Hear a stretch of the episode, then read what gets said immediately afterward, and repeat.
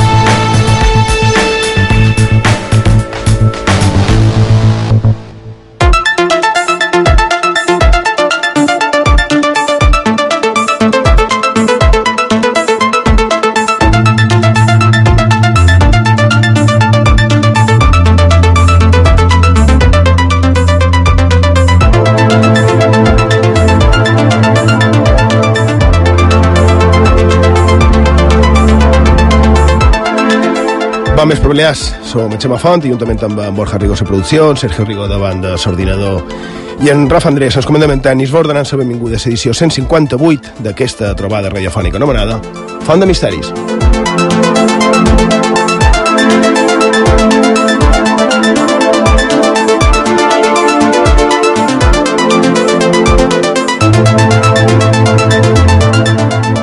Bé, i ja està, ja han passat Reis, ja fa una setmana de la nit de cap d'any i s'han acabat les festes, les festes nadalenques, vull dir, i per a uns això és motiu d'alegria, perquè n'hi ha molta de gent que aquestes festes no li agraden gaire, supos que és qüestió de, de records, d'enyorances, de, de temps passats, que temps que, que ja no han de tornar, però no oblidem que els temps futurs tal vegada siguin millors. És a dir, no sempre tot allò passat ha de, ha de ser preferit, no?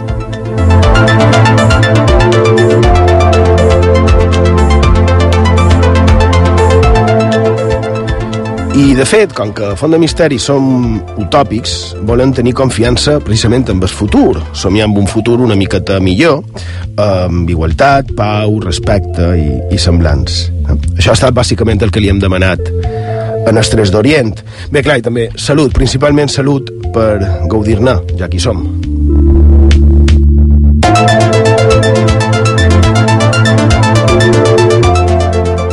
I com no, també no pot ser d'altra manera, també molt de misteris, no? Borja Rigo, bon vespre. Bon vespre, sobretot d'anys. una vegada assolit la salut i el benestar, els misteris, naturalment. El misteri de sa vida, també, no? El podríem ficar un, gran, dins... un gran misteri. El podríem ficar dins... El major misteri, diuen. Diuen, diuen, no comencem. No comencem, que començarem un debat i, i avui ja, com sempre, anem bastant, bastant carregats.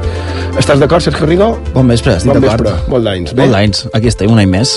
Um, per cert, uh, avui fa anys de, de la mort de Nikola Tesla, no? Ara parlaven de, de la vida i dels misteris. És misteriós, Nikola Tesla, qualque dia parlarem d'ell. El cas és que, bé, com dèiem, ens agrada ser un punt de trobada i per això, Sergio, avui volem fer una edició una miqueta, diguéssim, especial de Font de Misteris. Sí, avui, efectivament, com dius, hem preparat un programa especial on els oients són els protagonistes i ens poden contar les seves experiències relacionades amb el misteri o qualque cas que coneguin mitjançant el telèfon en directe amb el programa, que és el 971 13 99 00. Ho repetim, 971 13 99 00. També, com sempre, podeu fer les formes habituals de contacte. Facebook i Twitter ens podeu trobar cercant Font de Misteris. També ens podeu dir i enviar tot allò que vulgueu en el WhatsApp del programa, que és el 659 16 69 52. Repetim, 659 16 69 52. I també en el correu electrònic fontdemisteris arroba iveterradio.com.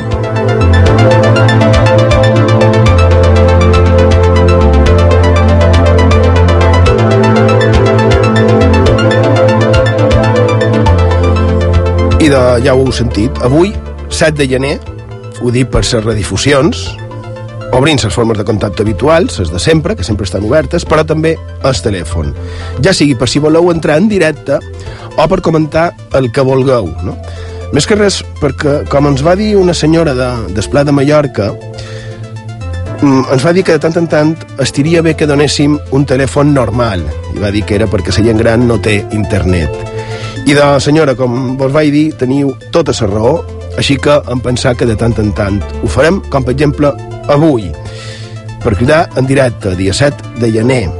Mos podeu telefonar en el 971 13 99 00. I recordeu que no és obligatori sortir en ventana. Ho dic per tots aquells que mos envieu coses i mos deis, però no digueu el meu nom. Si no voleu, no direm el nom de ningú. Però sí que un membre de l'equip vos respondrà. Uh, si vos sembla, fem una petita pausa i tot d'una continuem en les línies obertes.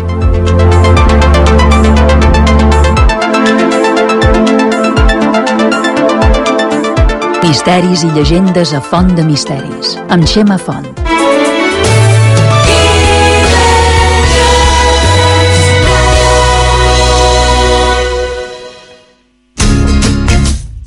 Les dones a les Illes Balears són un 49,99% de la població.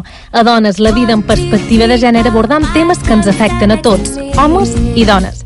Parlam de poder, d'urbanisme, de viatges, de la cura, de la pornografia, la violència o del masclisme. 60 minuts cada setmana per ampliar la nostra mirada. Dones, la vida en perspectiva de gènere. Dimecres, a les 6 del cap vespre, a IB3 Ràdio. De veres, això és el que més t'agrada. Eh, tant és que ho facis amb passió, desenfrenada, sense amor. Allò que és important és que passis plaer. Quan m'hi pos, és una experiència. Uf. No hi pensis, fes-ho. No apaguis el llum. Dissabte a mitjanit, amb Maria Rigo i Joan Guillem Jaume. A IB3 Ràdio. Seny Maria. Deixa'm un poquet. IB3 Ràdio t'ofereix la millor qualitat de recepció. Sintonitza la ràdio pública de les Illes Balears. A Eivissa i Formentera, 93.7. On la història es torna llegenda, a on el més quotidià es torna màgic. Acompanya'ns a la nostra font de misteris a IB3 Ràdio.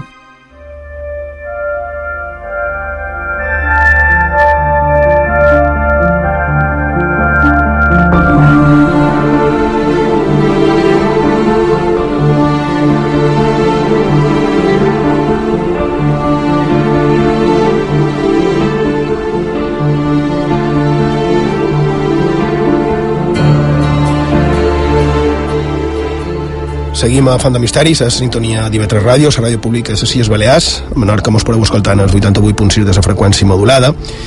I ara, després d'aquesta petita pausa, i abans de que no es doni temps, perquè com sempre mos sol passar, i ja que hem contactat ara amb ells per telèfon, volíem comentar dues cosetes.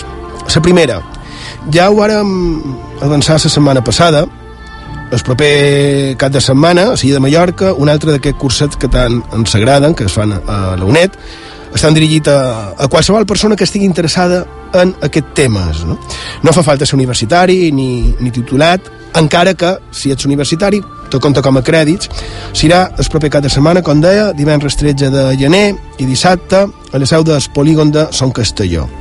I el títol, veritablement, és molt suggeridor. Edat mitjana, jocs, trons i corrupció i fanatisme.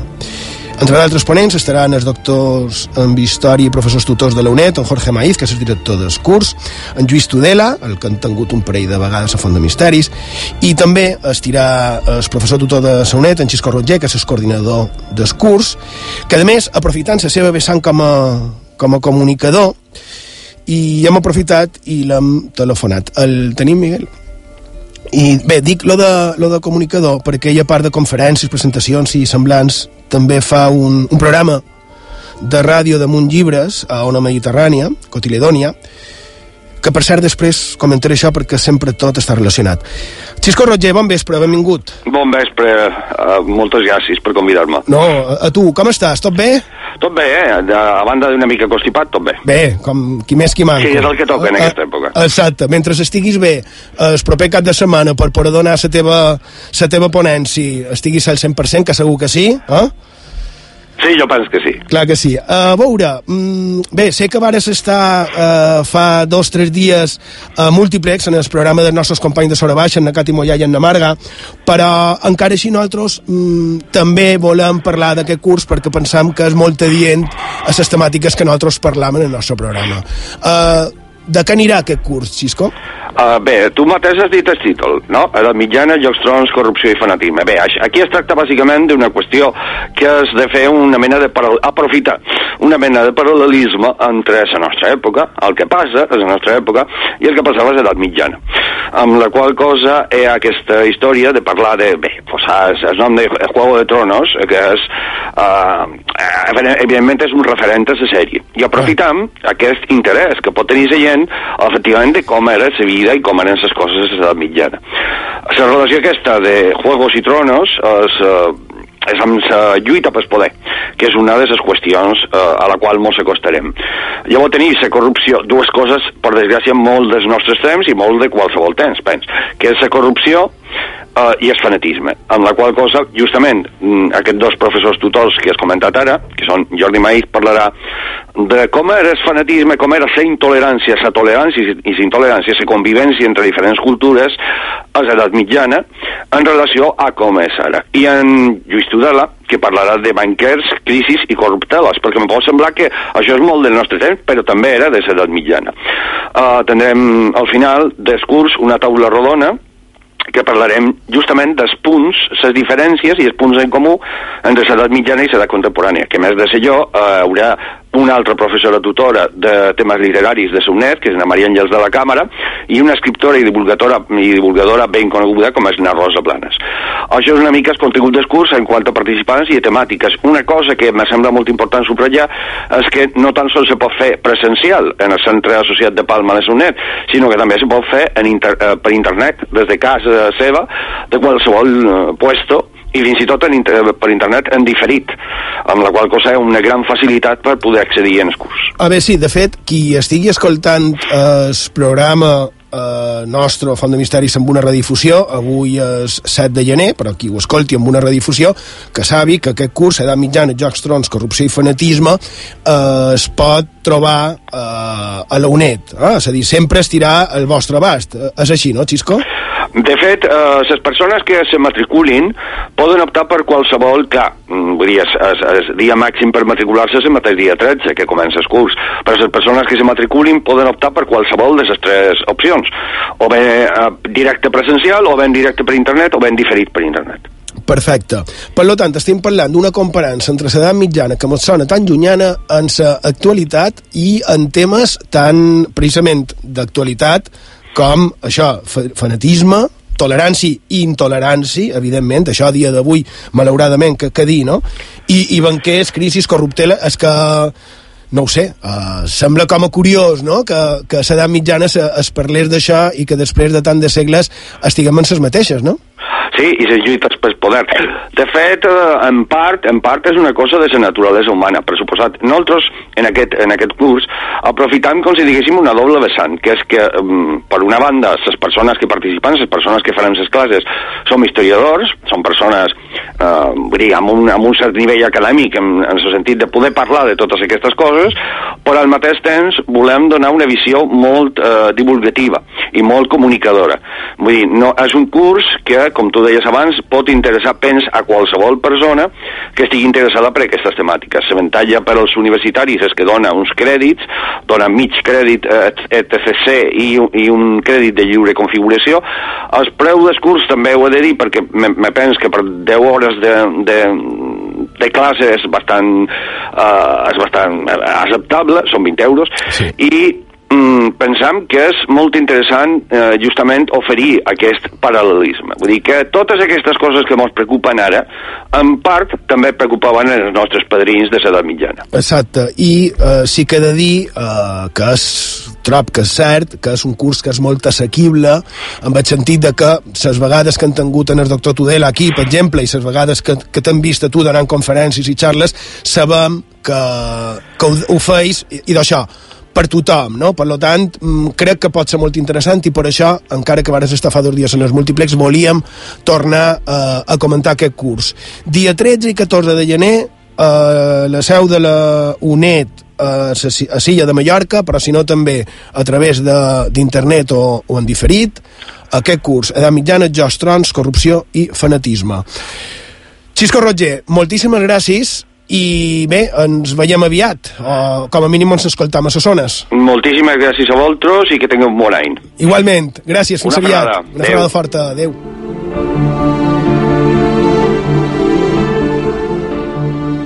A IB3 Ràdio, Font de Misteris, amb Xema Font. I feel good.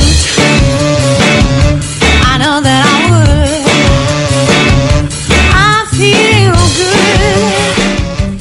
Bé, i abans deia lo del programa Cotiledònia i aquestes casualitats. El professor Roger fa un parell de setmanes va entrevistar a un escriptor i editor, en, en Miquel Orrac, que resulta que el dia anterior en aquesta entrevista que li va fer en, en Roger, el nostre col·laborador, amic, i, bé, com mos, mos agrada dir el, el savi del programa, en Carles Albarracín, m'havia parlat precisament d'aquest mateix llibre.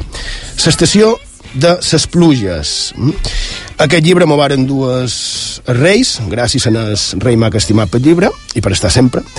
Bé, el cas és que un cúmul de casualitats i també que el llibre és cert que, que m'ha agradat i molt, mos han fet posar-nos en contacte en, en l'autor i editor també en Miquel Orrac. Miquel Orrac, bon vespre. Hola, bon vespre, com anem? Bé, tu què tal, tot bé? Tot bé, tot bé. Fantàstic. Uh, bé, hem posat una, una sintonia determinada, aquesta. Sí.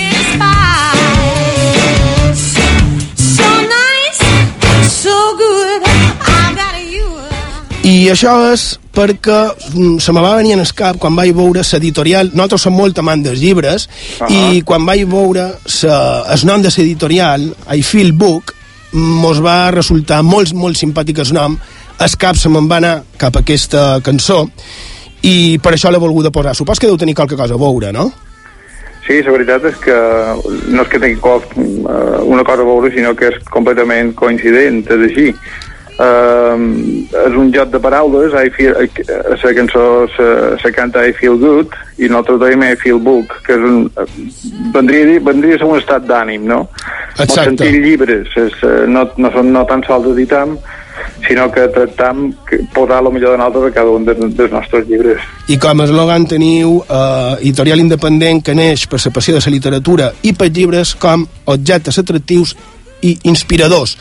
En, en el que estic totalment d'acord, que també molt agosarat sou de ficar-vos en una, amb una editorial que du- duis editat com a mínim una dotzena de llibres. Ahà, sí, sí, de vegades, no sé si són 15 o 15 o 7 llibres entre el que és el catàleg de literatura general, que és, diguéssim, la nostra columna vertebral, i llavors tenim literatura per infants, eh, llibres ja per, per més professionals, per empreses, i, i bé, anem fent un poc, un poc, espicolam un poc per tot. I després n'hi ha un parell que mm, encara no els atenc, però, però els atendré, que el manco el títol, i després d'haver llegit el teu, me sona molt suggeridor, que és Mallorca de set segle del capità Coc, uh -huh. això per una banda, d'en Jordi Bayona, o Palma Crònica Sentimental. Per tant, pren nota d'aquests dos títols i eh, els comentarem aquí a Font de Misteris. Ah, pues fantàstic. Però anem, anem amb es, en l'estació de, de les pluges, és la teva segona novel·la,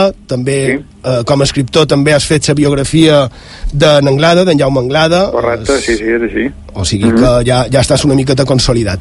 Però és que eh, quan un mira la contraportada ens parla, diu l'espectre de Rolf Flynn navega a bord d'una goleta fantasma per la badia de Palma una nit d'estiu que una violenta tempesta caure desastres per tota la ciutat. Així comença el llibre, així comença eh, aquesta no sé si podríem dir novel·la, però abans me vull quedar amb aquest fet. Mira tu si podríem estar parlant del llibre, de l'estació de les pluges. Perquè, Borja Rigo, perquè vull fer aquesta referència a Errol Flynn, Fantasma, Estaca... Què, què poden dir de tot això, Borja? Perquè resulta que, que Estaca és un, és un valer que ha navegat molt per les nostres aigües i que en Errol Flynn va comprar l'any 43 un moment depressiu, un moment tri, no sabia molt bé què fer i se'm va recordar que, que havia vist un catàleg aquest vaixell i va dir, mira, doncs me'l compraré.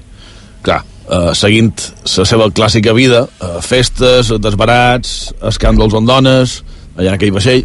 I a més hem de recordar també que ja tenia un nom una mica misteriós abans de dir-se Zaka, eh, se deia Black Witch, és a dir, bruixa negra. També és simptomàtic, no? Bé, resulta que, avançàvem en estem, si voleu, eh, anem a l'any 59, en Rolf ja és, ja és major, ja té problemes... Bé, no, no tan major, té 50 anys, però té problemes físics terribles de decessos que ha fet durant tota la vida eh, i decideix que l'ha de vendre. Bé, poc després eh, mor i el curiós és que eh, després de que he fet comencen a passar els mariners comencen a contar que passen coses estranyes en aquell, en aquell vaixell, un vaixell que no, no és de ningú, en principi no, no, no s'emplea gaire però que passen coses estranyes. Veuen com si en aquell, en aquell vaixell se celebrassin grans festes com les que feien a Rolf Flynn eh, és un gran Robin Hood, no? És Robin Hood clàssic. Però clar, allà no hi havia ningú és, és ben curiós. Però la cosa se complica un poc més. Resulta que els fenòmens eh, s'allarguen en el temps fins a l'any 79 1979, quan s'ha de fer un doble exorcisme anglicà catòlic per fer desaparèixer aquelles suposades presències estranyes crec que només amb aquesta petita intervenció que han fet damunt d'en Rolfín, que per cert va ser veïnat vecí de, de Mallorca, va viure a Cas Català, crec que només per això ja mos valia la pena eh, agafar el teu llibre i llegir-ho tot. Parles d'un vaixell fantasma, Uh -huh. però no és un llibre de misteri.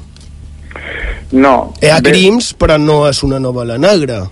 Exactament. Mira, mm, jo realment, tots aquests detalls que heu comentat de, del Zaka, la veritat és que no, no el reconeixia que era tampoc estona, no? Perquè, home, sabia que sí, que ell era un home d'accessos, que se dedicava molt a, a viure amb intensitat i de fer el qualsevol tipus de festes i de, de tenir convidats sovint en, en el vaixell, però jo tampoc sabia que això s'havia convertit en un...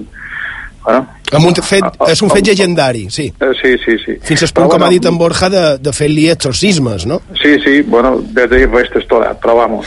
Uh, tampoc no és una qüestió que, que, que... És a dir, la puc vincular en el llibre en el sentit de que jo he volgut mesclar realitat i ficció en, en, sa, en sa novel·la i que més, quina ficció més interessant i més, eh, més, més atractiva que començar una, una novel·la ambientada en el món real actual amb una història de fantasmes, no? Exacte. Uh, simplement vaig utilitzar la figura de, del mític personatge d'en de Errol Flint, que era el capità, el capità Black, uh, que era pues, un metge ficat a Corsari, eh, que, que, se, bueno, que, que, era, que va esdevenir diguéssim, el personatge un dels més clàssics d'en de Errol Flint, no?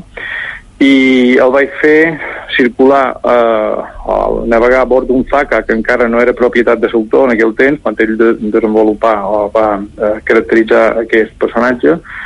I el vaig fer entrant eh, a dins Palma per la badia per dins el port nàutic envoltat d'una boira espessa i d'una d'un àlit de misteri eh, important. Però sa, diguéssim la motivació principal no era no era, diguéssim, de, de contingut misteriós, sinó simplement el que volia jo, o el que he volgut plasmar amb, amb aquesta metàfora és el desencant de veure com la uh, transformació tan brutal que ha sofrit Palma, en aquest cas, Exacte. en, en tan poc temps i que jo eh, ho podria extrapolar a lo que és la societat en general. eh, Que Co perdut correcte. Ma, aquí és on jo volia fer uh, una, un petit incís, precisament amb això.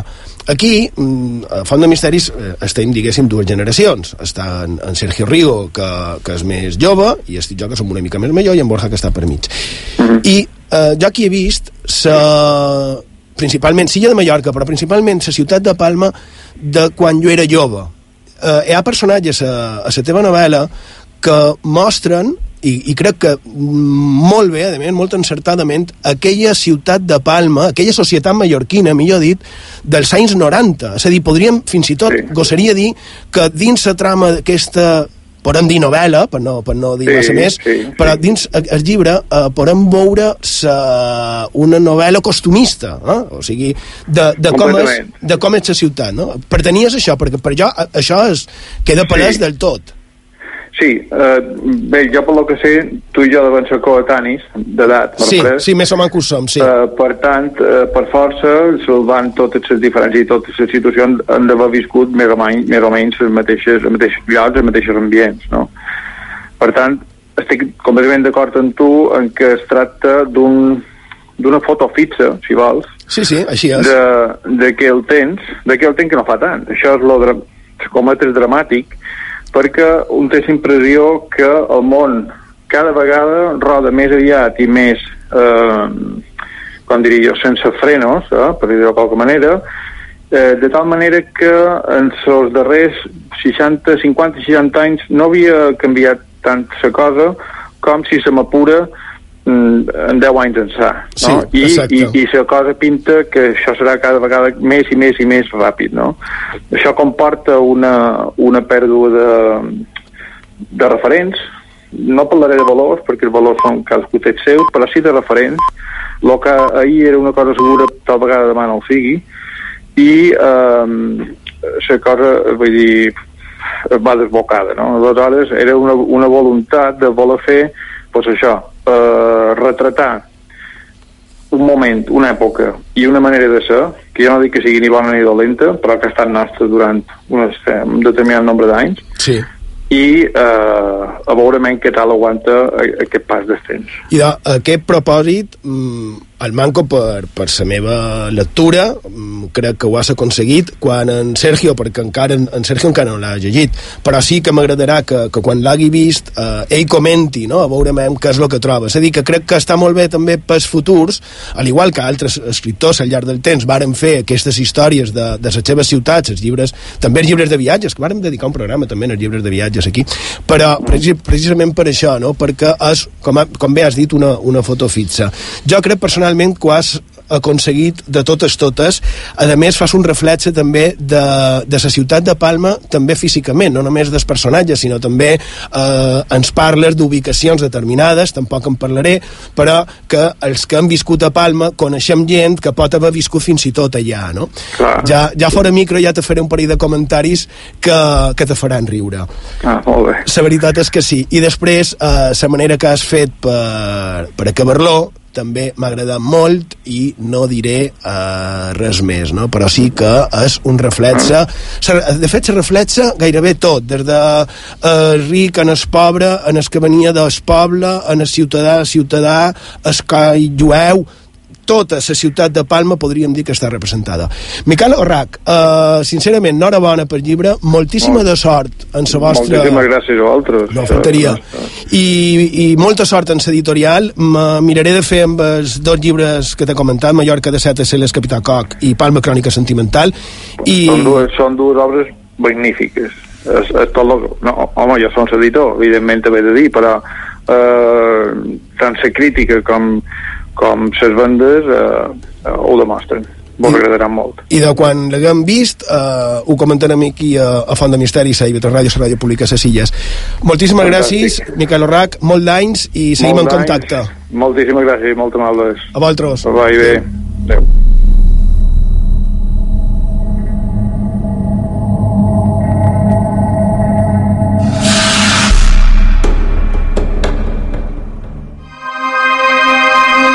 On la història es torna llegenda, a on el més quotidià es torna màgic. Acompanya'ns a la nostra font de misteris a IB3 Ràdio.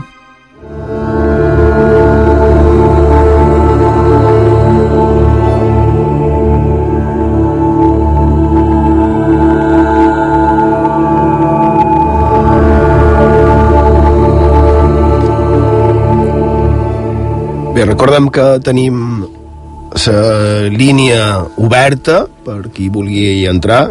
S'ha comentat en Òscar que, que ha rebut qualque, qualque cridada. Després si un cas mos, mos dirà qualque cosa. El telèfon, eh, si el voleu apuntar 971 13 99 00 i una de les coses que, que ens sorprèn dels vostres missatges, que a més sempre agraïm, és, per exemple, quan ens envieu enllaços a notícies, no? Ja sigui perquè vos han sorprès o bé per saber sa, sa no, nostre parer o, o que nosaltres consultem si poden ser certes o no. I anem en dues que són d'aquesta mateixa setmana i era a veure mem què pensàvem nosaltres d'això, Sergio. Efectivament, Xema ens va enviar un WhatsApp en Biel i ens va enviar un parell de links referits en el Nostradamus, el famós profeta, que segons destaca molt de mitjans de comunicació també va deixar per escrit algunes profecies per aquest 2017 que acaben de començar. Es demana la nostra opinió. Clar, és, mm, supos que també eh, heu estat al corrent de, de, de que ha sortit a molt de mitjans, sempre estan aquestes històries, no?, que, i, i més de, els darrers anys, des de, los, Borja, des de la profecia maia aquella que va sortir del 2012, sí. cada any, de cada vegada de ser pitjor, no? Que és la profecia que més, més mitjans de comunicació ha, ha ocupat Exacte. i que ha estat més equivocada en el final. Uh, a més, no, més equivocada, no. És a dir, era un canvi de cicle, com ja vàrem explicar aquí, com dir, sí, és el nostre aquí s'ha de 31 de desembre Exacte, i 1 aquí de s'ha de gener dir per ells. que se va donar una una imatge de lo que era aquesta profecia que no era real. És a dir, no era un canvi, no era un final de de món, o sigui, el món no s'acabava amb, amb absolut, sinó que precisament era això que deies, era, era, un canvi... arrabassar la darrera fulla del calendari seu i començar un altre. i començar un de ben nou amb, amb un altre dígit no? i a, aquest, eh, aquesta suposada de Nostradamus que diuen des 2017 podríem fer una pinzellada ràpida tampoc fa falta aquí estendre's-nos massa I d'aquestes són les profecies més importants per aquest any. Han destacat 10. La primera, sorgirà una nova superpotència i serà la Xina. I la segona, eh, un gran terratrèmol en els Estats Units occidentals. Tercera. la falla, perdona, la falla de Sant Andreu supos. Efectivament, eh, Yellowstone i companyia... Sí. Eh, que, en Que fa molt d'anys que en Juniper va anar cap allà, va fer les missions allà i ara tenim aquesta situació. Bé, Tercera, esclerosis d'una superpotència. bé. Quarta, mort del papa, segons Nostradamus, això ocorrirà quan existeixin do, dos papes a la vegada, és a dir, ara.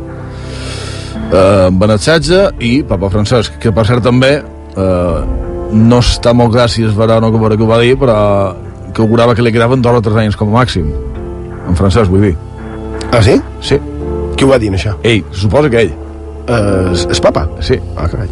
I de, si fos així, mm, i segons quan ho va dir, no tindria raó en Nostradamus, que hauria per seu propi eh, aquesta profecia, no?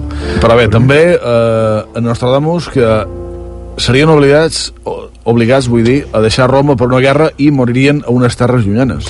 Això també ja va haver altres, eh, Sant Malaquies, que també ho deia, eh, que, que fugirien de Roma eh, trepitjant cadàvers, va dir. Bé, això són profecies, no, no ho diem nosaltres ni, ni posant ni llevant, com sempre. Cinquena, Itàlia serà l'epicentre d'una nova crisi financera a Europa. Sisena, canvis a Amèrica Llatina. Nostradamus diu que s'any per la redefinició pels països d'aquesta regió on els seus governs prepararien l'aparició de possibles lluites civils.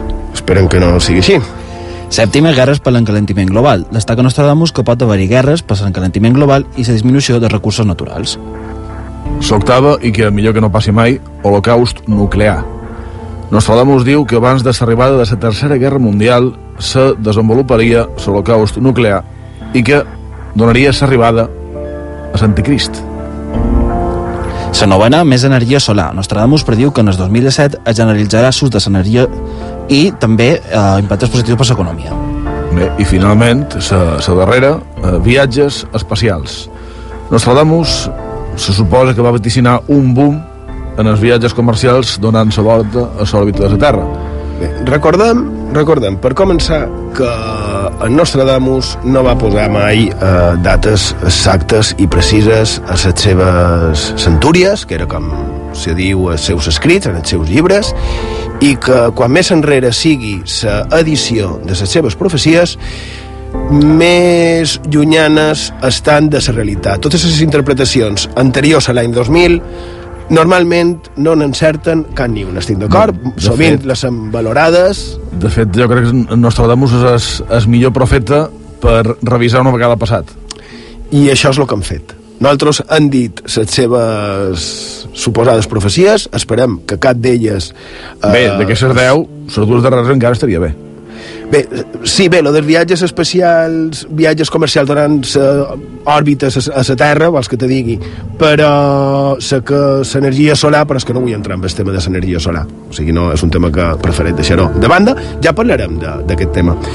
I després també, vinculat en, a, en aquest missatge, bé, nosaltres ho deixam ja per, per valorar-ho al desembre. Eh? Al desembre del 2017 valorarem aquestes profecies. Podrem tirar d'arxiu i escoltar Esa- més si es compleixen o no.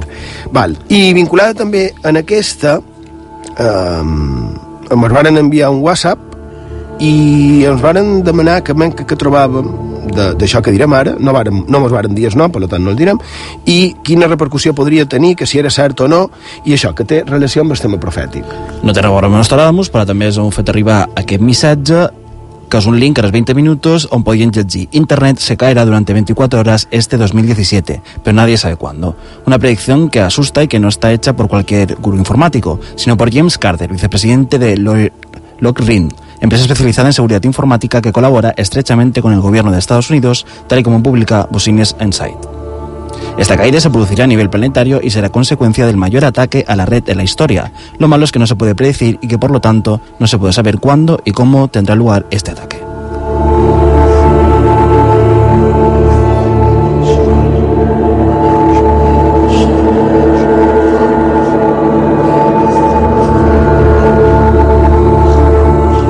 Au, idò, ja la tenim una altra vegada. I de, a aquest tema, hem fet el que acostumam a fer a Font de Misteris i és parlar amb els experts. En aquest cas, amb dos informàtics, dos tecnòlegs, podem dir, grans coneixedors d'aquest món, i els hem demanat per si pot ser o no certa aquesta informació.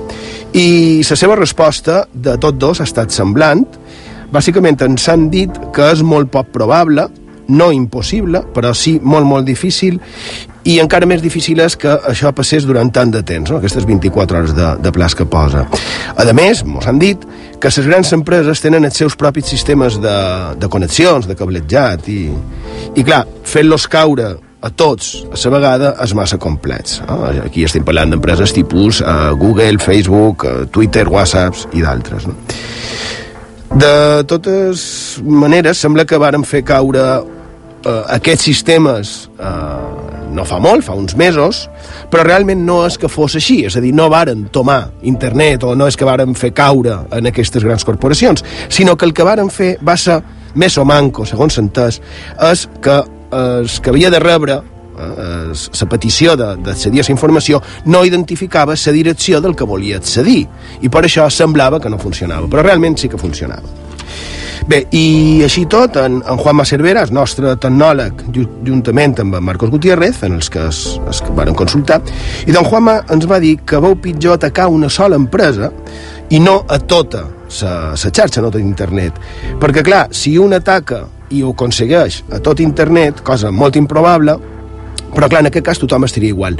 Pitjor seria si només s'ataqués, per exemple, una web d'aquestes importants de, de viatges, per exemple, ja que tindríem massa pèrdues perquè el públic s'aniria a les altres que estiguessin funcionant, no? i això podria provocar milions de pèrdues. I afegir també que en cas de que passés això d'una caiguda total, només es perdria momentàniament la connexió, però no té per què haver pèrdues d'informació. Eh? Ho dic per llevar una mica de dramatisme. A part de que, per exemple, segons se'ns han dit, bancs, exèrcits, governs i semblants fan ús de connexions diferents al que podríem dir normal, no? a que nosaltres fem d'internet. I també, a part, destacar que aquesta notícia que ha sortit a gairebé tots els mitjans només té una font original. Així que anem a saber quin és el verdader origen, no? Tal vegada només sigui una notícia treta de context i repetida fins fer-la creïble. Hem dit tot això i mos quedem més tranquils. Però, però, com sempre, en Marcos Gutiérrez ens va fer recordar un fet que va succeir fa poques setmanes i que no és massa conegut, i és que varen fer caure, els hackers, varen fer caure internet a tot un país, a Libèria, eh? a un país africà petit, 4 milions i pico d'habitants, i aquí ja entraríem dins teories conspiranoiques, eh? tot un país sense internet. Tal vegada se va fer per fer una crida d'atenció com advertint de lo que són capaços de fer. No? En resum, que és molt difícil fer caure tot internet, sí que es pot deixar inutilitzat una estona qualque servidor, i el màxim que passaria és que tal vegada faríem una miqueta més de vida social, no? cosa que no estiria de més.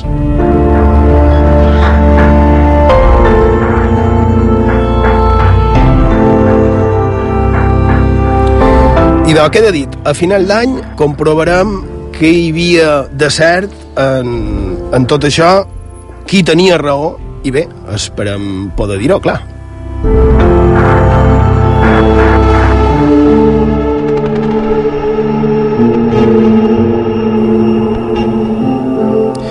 Vinga, una altra que també està relacionada amb notícies, coses que han parlat en el programa i ens han demanat per un tema que ja ha sortit diverses vegades. És Titanic. I una altra teoria, Titanic, que també està vinculat com gairebé tot en les nostres illes, um, i és una altra teoria que el manco per nosaltres uh, podríem dir que és nova, no? i està referida en el seu enfonsament, les causes de l'enfonsament. Sergio. Sí, aquesta mateixa setmana han, conegut, han pogut conèixer una nova teoria sobre l'enfonsament del Titanic que s'ha presentat a un documental. A la información.com hoy llegíem. Fue solo un iceberg lo que hundió el Titanic. Un nuevo documental abre otra teoría. Fue solo un iceberg lo que hundió el Titanic. El insumergible, un incendio para justificar el hundimiento del insumergible, un incendio en las calderas del barco que se prolongó durante cinco días y que se produjo al, inicio de la travesía. El periodista Senan Moloni, que ha estado investigando el desastre durante 30 años, cree, cree que esa fue la verdadera razón de la catástrofe. En el documental La Nueva Evidencia se señala que el fuego se produjo nada más salir de los astilleros de Belfast y que fueron las altas temperaturas provocadas por este en el casco lo que precipitó su triste final. Bé, i de com en l'altre, el que han fet ha estat anar-nos-nes en els que poden saber més, de, en, en aquest cas d'això, i a prop nostre tenim en Juanjo Aliano, que en sap molt de vaixells, entre altres temes, i forma part del nostre comitè no? de, de consultes, de savis, i li varen consultar. I ell, a la seva vegada, ho va comentar amb el prestigiós eh, Fernando García Chagoyen, i el que ens han dit és, en resum, que ja fa anys que existeix aquesta teoria, com a mínim fa 20 anys que existeix, i que sí, que era freqüent, molt, molt freqüent, que els vapors poguessin patir incendis, petits incendis a les carboneres. Però afirmen que no veuen gens clar que fos per mort de l'incendi que el vaixell s'enfonsés. Que probablement estem davant d'una altra bolla. És cert que hi ha imatges on sembla que surt com, com fum de on correspondrien estar eh, aquestes carboneres, no? però que en qualsevol cas era un fet freqüent, també és bastant lògic, no? si ho pensem. Eh, de totes maneres, gràcies Juanjo Galiano i gràcies també al senyor Echegoyen per aclarir-nos un poquet això, no? Això és molt interessant. Me fas més, por, ara me fas por. Sempre i quan, també tenint una teoria que fa anys que circula, que fos en realitat el Titanic el vaixell que s'enfonsàs. Perquè aquesta, aquesta història diu que en realitat va ser el vaixell germà Bassó, que seria en aquest cas olímpic, perquè resulta que eh, en els, a Belfast, quan tot estaven construint, estaven fent la sèrie de tres vaixells iguals, el Titanic, l'Olímpic i el Britànic, i clar, cadascú tenia un, una data d'entrega. Problema d'aquesta teoria, si realment fos les olímpiques que s'hagués enfonsat, a part de que tots tres varen patir bastant, és les persones que varen... El manco una persona, una, crec que era una persona que es dedicava a l'enfermeria, una senyora, que va sobreviure... En els tres enfonsaments. En els tres. Però clar, la teoria deia que l'Olímpic havia eh, sortit a navegar un, unes, unes dates abans, havia patit un petit accident i estaven arreglant. Però clar, si arreglaven un, no podien treure l'altre eh, dins els temps, per tant, simplement van canviar el nom del vaixell, i la diferència entre un i l'altre era d'haver mig metre de llargària, per tant, no, no s'hagués notat ningú. I, I ara, Gemma, justament ens demanen que has dit la relació entre el Titanic i les Balears. No han comentat. Quina era la relació? La pot contar tu I de com que el darrer vaixell que va veure en el Titanic va passar per, per Port de Palma. Ex- Exactament, que s'agafen pinces, però és una relació, relació. no? És de res que varen veure Clar, perquè justament ara un missatge dient quina relació hi ha. I d'aquesta, exactament. Uh, I mentre uh, en Rafa mos diu que hauríem de fer una petita pausa i de, de feim. Misteris i llegendes a Font de Misteris, amb Xema Font.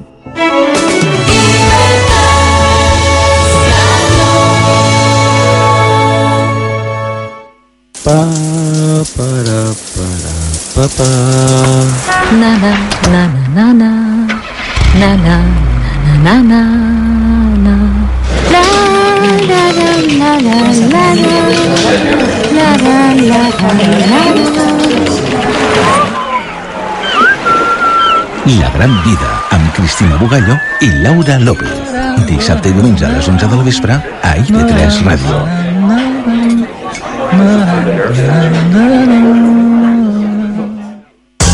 Quantes cançons amb nom de dona pots recordar? Si ets d'aquells que quan van a una festa se saben totes les cançons, Apunta't ara mateix a No perdis el compàs, al nou concurs musical d'IV3. Tu pots ser l'escollit, o l'escollida.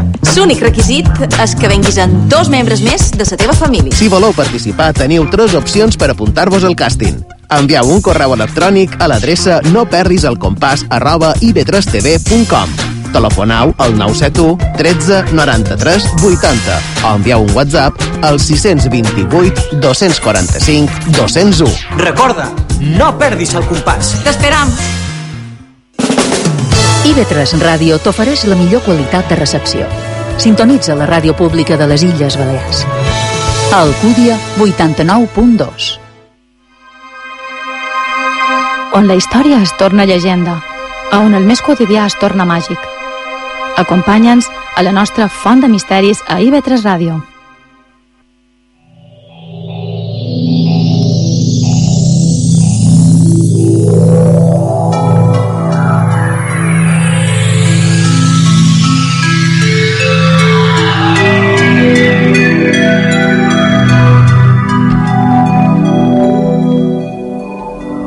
Seguim a Font de Misteris, a la sintonia de Betres Ràdio, la ràdio pública de les Illes Balears. A les pitiuses mos podeu escoltant el 93.7 de la freqüència modulada. Recordam, el que passa és que ja queda molt poc en minuts, però recordem que avui tenim les línies obertes eh, telefòniques en el 971 13 99 00. Avui, dia 7 de gener. Vull dir, perquè si després telefoneu a la redifusió, no mos trobareu aquí, però sí que teniu, després tornarem a recordar els WhatsApp i els altres mitjans de, de comunicació. I una que també precisament per, per WhatsApp. Això del WhatsApp és, és veritat, és molt, és molt àgil, és, està molt bé el WhatsApp per aquestes coses. És molt còmode i, i convida a contar coses. Sí, i, i, i molt, molt dinàmic, molt ràpid, i està molt bé. En aquest cas, per WhatsApp, un que, que passava per allà i ens va fer arribar o sigui, un li va fer arribar la foto a un amic i aquest amic, que escolta Font de Misteris, ens la va enviar demanant si pensàvem si podria ser una broma. I la veritat és que era sorprenent, molt. I li varen contestar nosaltres al moment el que, el que pensàvem i el dia següent va sortir a premsa i es va confirmar. De què parlam? I doncs anem ara fins a Esmolinar de Palma perquè fa uns dies es va fer una troballa bastant sorprenent. El diari de Mallorca ho relata així. Hallado muerto un tiburón de casi 4 metros en el Molinar. Un ejemplar de tiburón cañabota gris de 3,8 metros de longitud ha sido encontrado muerto esta mañana varado en la orilla del Molinar. Al lugar de los hechos se han desplazado dos trabajadores del Centro de Recuperación de Fauna Marina de Palma Aquarium tras recibir una llamada del aviso de 112 emergencias. Bé, i després allà, evidentment, quan van anar amb una grua i van aixecar aquest animalot, clar, va cridar molt l'atenció, però efectivament se tractava d'un tauró de gairebé 4 metres de llargari. Però, atenció, inofensiu, eh? No, el que passa és que no ha de fer molta gràcia trobar-te això. No, a més... Fer, fer un cafè con el molinar i trobar-te això, eh, vols que te digui, eh? Sempre que surt una notícia de taurons espanta molt, però hem de recordar als oients que les Balears, el Mediterrani en general, és un, és un mar on n'hi ha moltíssims. Què passa? Que no interactuen gaire amb els, amb els banyistes ni pescadors. I millor que sigui així. Jo també t'ho dic. També és cert. Um, podria, aquesta l'he trobat molt simpàtica i, i l'hem de fer pública, l'hem de dir, i a veure men si um, a, a tots els que interactueu amb nosaltres, men si vos donar un cop de mà amb això. Bon vespre, amics. Ventura és una pregunta un poc simple per no ser la resposta. Sempre xerram de dimonis o similars, però coneixeu alguna història on se parli de dimonis en femení? I com es diria dimoni en femení? Dimònia? Espero que pugueu resoldre aquest dubte. Gràcies, Aina.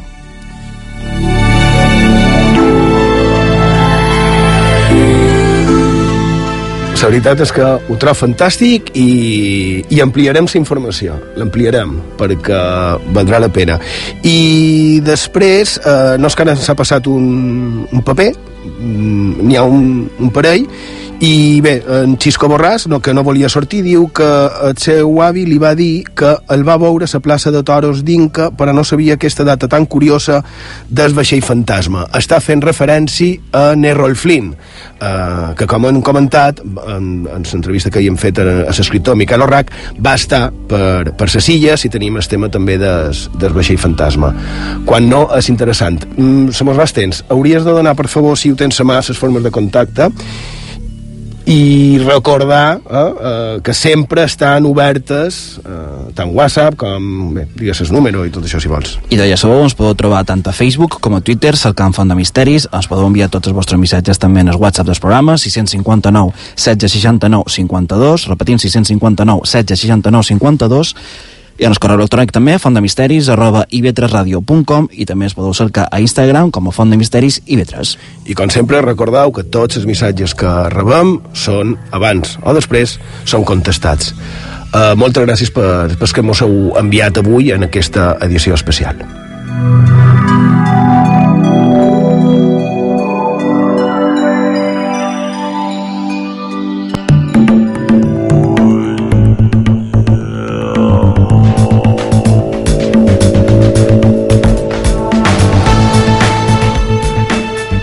Hem arribat a la fi del programa d'avui i esperem que hagueu passat una estona agradable i que hagueu, hagueu pogut treure qualque cosa de profit d'aquesta font de misteris. I bé, està clar que aquest no és un programa infantil, pot ser que hi hagi, bé, pot ser no. Uh, sé que hi ha joves, molt joves, que ens escolten, no crec que en edat escolar n'hi hagi molts, però sí que trobo que un tema que ens afecta a tots, adults i nins, pares, mares, fills, filles, eh? un tema que crec que encara no hem tractat com a reflexió. Sí, a qualque programa, i me ve al cap per aquell absurd costum que hi havia a l'antiga Mallorca de rompre trompetes de vidre que s'havien emprat per cridar en el rei Max. Eh? Imaginem l'escena. Nins, jovenots, per dalt morada, per davant la seu, pel barri de la Calatrava, la ciutat de Palma, tocant unes trompetes de vidre cap a l'horitzó per tal de cridar amb aquells sons seguts en el rei Max, no? que vinguessin a, a dur-lis els regals. I després, després de fer aquesta crida al rei Max, agafaven aquestes trompetes, s'anaven en el barri dels jueus, en Escai, i allà les rompien en el cap dels nins xuetes. Sí, així, com sona. Val? Absurdes costums, coses ridícules, covardia duta en el màxim, però covardia dels pares transmesa en els infants. Per allò no hi ha una altra explicació. Ara ens sona absurd. Eh? Cap sentit, cap lògica. De fet, és ridícul. I els nins són nins. Els problemes els tenim els adults, que ho podem transmetre, tal vegada sense donar-nos compte. I això és el que vull que veiem, el que m'agradaria que tinguem present.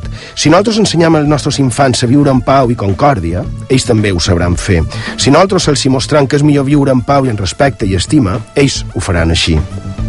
Per això, sovint ens, ens donem compte, podem saber com són els pares només de veure en els infants, per bé i per dolent. Per això ens donem compte que els més covards són els més violents, els més acomplexats són els que més insulten, els més curts són els que més gests es creuen, no? I això ha estat de sempre així. Per això avui a utopies de gairebé la mitjanit de dissabte i vetres ràdio ens agradaria que tots els adults ens fessin responsables de que amb el nostre exemple, amb la nostra actitud, podem canviar el futur i fer-ho més humà i més habitable perquè al final les noves generacions, les nines i nins, faran el que nosaltres feim. És repetitiu, sempre ha estat així, i està en les nostres mans. Jo crec que seria un bon regal de Reis, i ho tenim fàcil. És com trobar una rosa en el camí. Te regalo una rosa, Juan Luis Guerra. Allí, Pau, bona nit. Gràcies per la vostra companyia i fins la setmana que ve. Te regalo una rosa, encontré en el camino.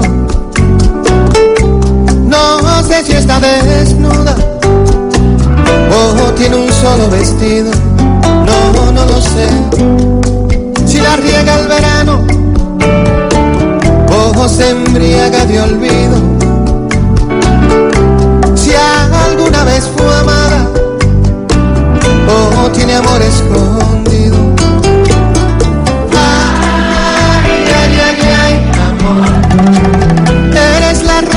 Me da calor.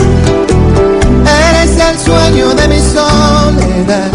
Un letargo de azul, un eclipse de mar. Pero, ay, ay, ay, ay, amor. Yo soy satélite y tú eres mi sol. Un universo de agua mineral. Un espacio de luz que solo llenas tú. Ay, amor.